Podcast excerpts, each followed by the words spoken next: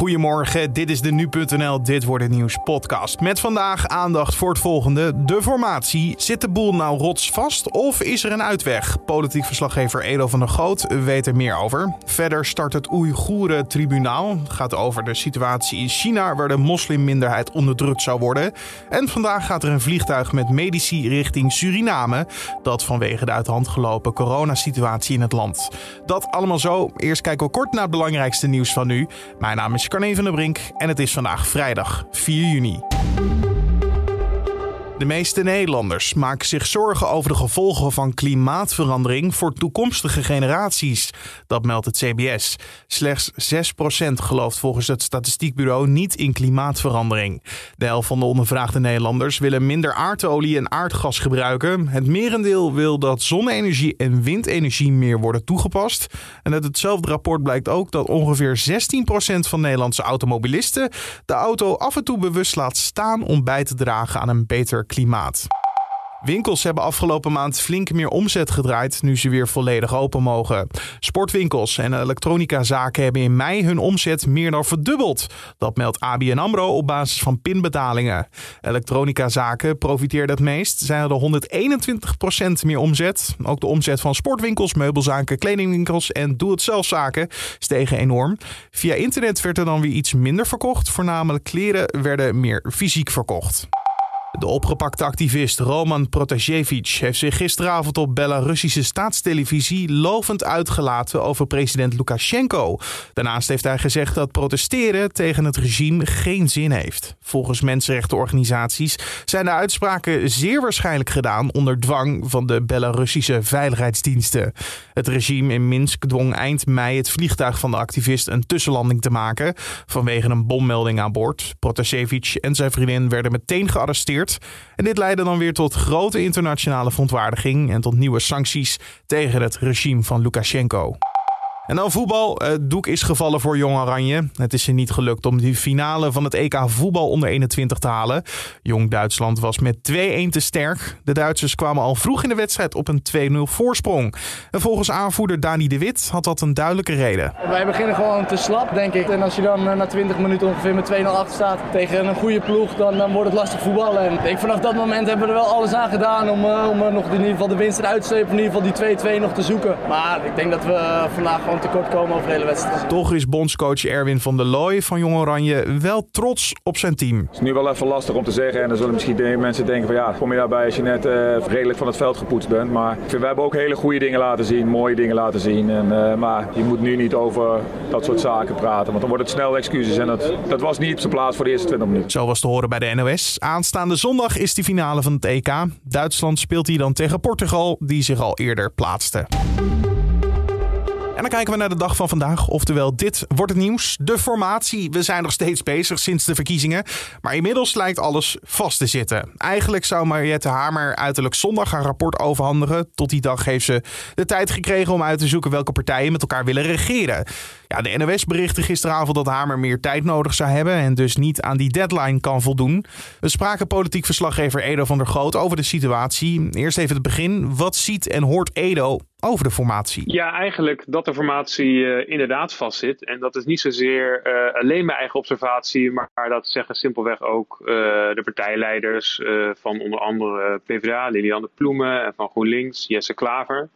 En eigenlijk het belangrijkste punt is uh, dat ze er vooralsnog niet uitkomen wie met wie nou moet gaan onderhandelen om uiteindelijk een coalitie te vormen. Dan even over Hamer zelf. Wat kan Edo vertellen over de opdracht die zij heeft gekregen? Ja, ze heeft van de Kamer de opdracht gekregen om in ieder geval uh, tot en met 6 juni te gaan onderzoeken waar de partijen inhoudelijk uh, ja, uh, elkaar vinden, dus waar ze het over eens zijn. En het tweede deel van de opdracht is welke partijen uiteindelijk dan die problemen uh, ja, uh, zouden moeten gaan oplossen in een in coalitieverband. En eigenlijk met name ja, dat, dat tweede deel van nou ja, wie met wie hè, is, is nu een beetje een interessante vraag. Want ja, daar lijkt het nu op, op spaak te lopen.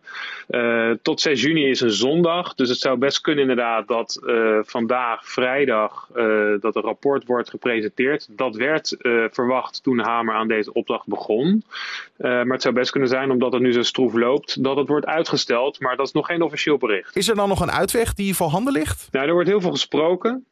vandaag zijn ook weer Rutte van de VVD en Sigrid Kaag, partijleider van D66, komen op bezoek aan het eind van de ochtend.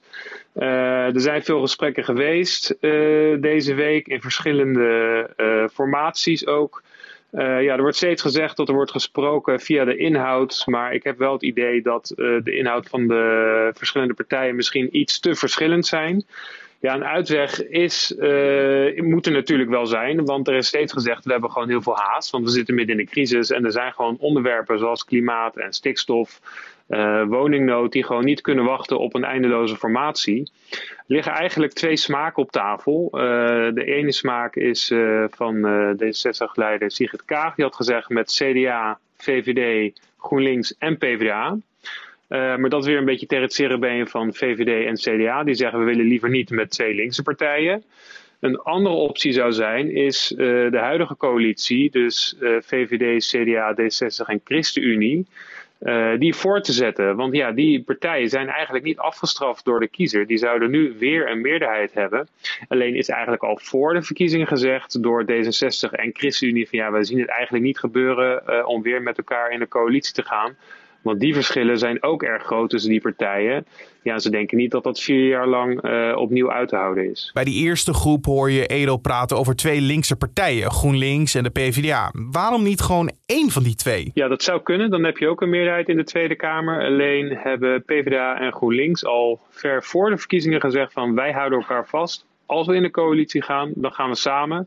Ja, dat idee houden ze nog steeds levend en dragen ze bijna dagelijks nog steeds uit. Dus die gaan niet zonder elkaar in een coalitie zitten. Je hoorde politiek verslaggever Eda van der Groot. En vandaag hopelijk dus meer duidelijkheid over de formatie in de vorm van een doorgehakte knoop of duidelijkheid over uitstel.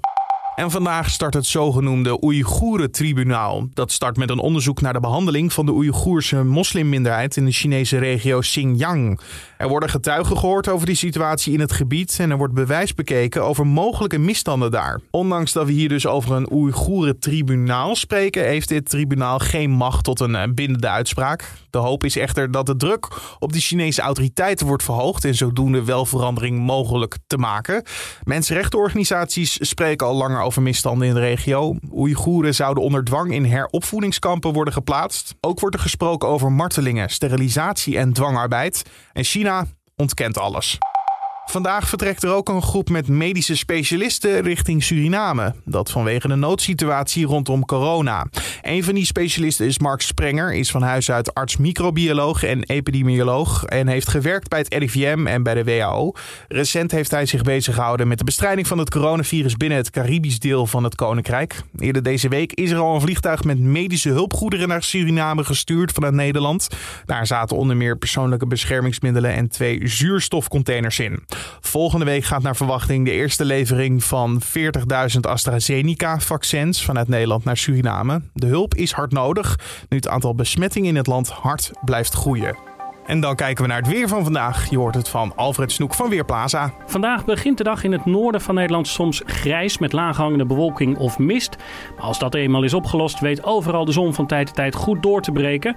Het wordt 20 graden vlak aan zee tot 26 graden in het binnenland. Het is broeierig warm en vooral later vandaag komen in de zuidelijke provincies ook weer een aantal regen- en onweersbuien tot ontwikkeling. Dankjewel Alfred Snoek van Weerplaza. En om af te sluiten nog even dit. Presentator Bovenair van Dorens heeft gisteravond in zijn eigen talkshow een coronavaccin gekregen.